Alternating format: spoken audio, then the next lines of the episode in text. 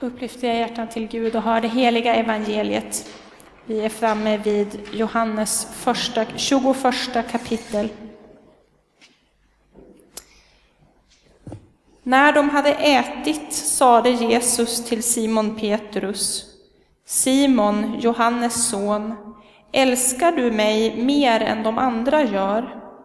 Simon svarade, Ja, Herre, du vet att jag har dig kär. Jesus sade, för mina lamm på bete. Och han frågade honom för andra gången, Simon, Johannes son, älskar du mig?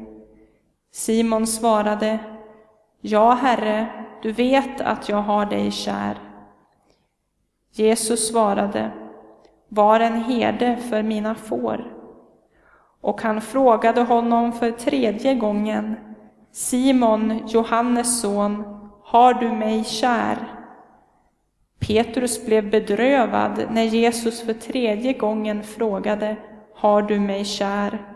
Och han svarade, Herre, du vet allt, du vet att jag har dig kär.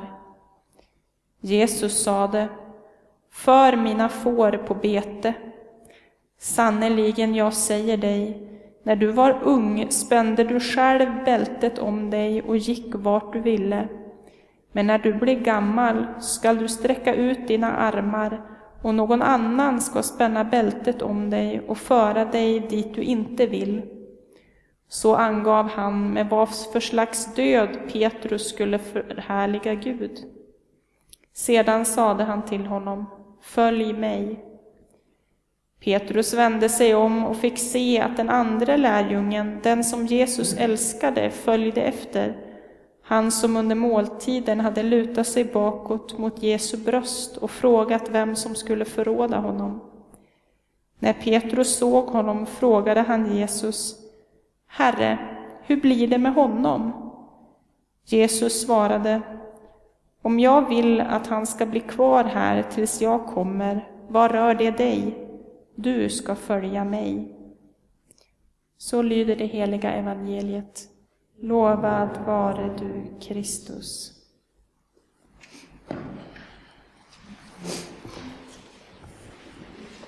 Det här var den första biskopsutfrågningen i kyrkans historia. Där vid Tiberiassjöns strand en kort tid efter Jesu uppståndelse. Och vi kan konstatera att det frågas inte efter vilka coola teologiska förebilder Petrus har, eller vad han gör på fritiden, eller vilka sorts vixlar han kan tänka sig att förrätta, eller vad diakonin har för plats i kyrkan, eller någon av alla de här olika frågorna som är populära att ställa till biskopskandidater i vår tid.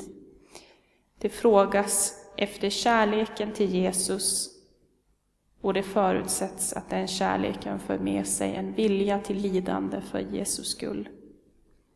Simon, Johannes son, älskar du mig? Och älskar du dig mig mer än de andra gör? Det kan tyckas lite märkligt att Jesus ställer frågan så. Älskar du mig mer än de andra gör? Det är ju kanske lite anti-Jante över den frågan. Blotta tanken att man ska, verkligen ska säga att man älskar Jesus mer än alla hans andra lärjungar gör, vore det inte att förhäva sig? Det här sättet att ställa frågan kan ju ha att göra med att Petrus själv före korsfästelsen hävdade just att han älskade mer än alla de andra. Och att påminnas om det efter sin förnekelse måste ha gjort honom mycket skamsen. Han upprepar ju inte heller sina storvulna ord denna gång. Han säger inget annat än Herre, du vet att jag har dig kär. Och likaså när Petrus frågar efter Johannes framtida öde, Herre, hur blir det med honom? Så uppmanas han att inte bekymra sig över det, utan koncentrera sig på att han själv ska följa Jesus. Jesus uppmuntrar inte till jämförelse och för mycket sneglande på medlärjungarna. Men det finns samtidigt en uppmaning i detta sätt att fråga. Att älska mer än de andra gör är ju egentligen detsamma som att älska så mycket som man kan föreställa sig. Visst kan det hända också i jordiska relationer att det är svårt att föreställa sig att någon annan kan älska så intensivt som man själv gör i vissa situationer.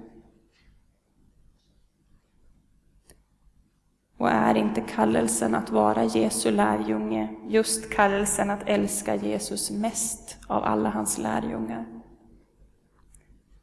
Så länge jag kan tänka mig att en annan lärjunge älskar mer, då vet jag ju att det finns något kvar att göra på helgelsens väg. Och det är nog alltid svaret på den frågan för Petrus och för oss. Eller kanske snarare att det finns något kvar att få gjort med sig. För i slutändan är det ju inte vi som helgar oss själva, utan Jesu kärlek som förvandlar oss. Vi älskar för att han först älskade oss, skriver ju aposteln.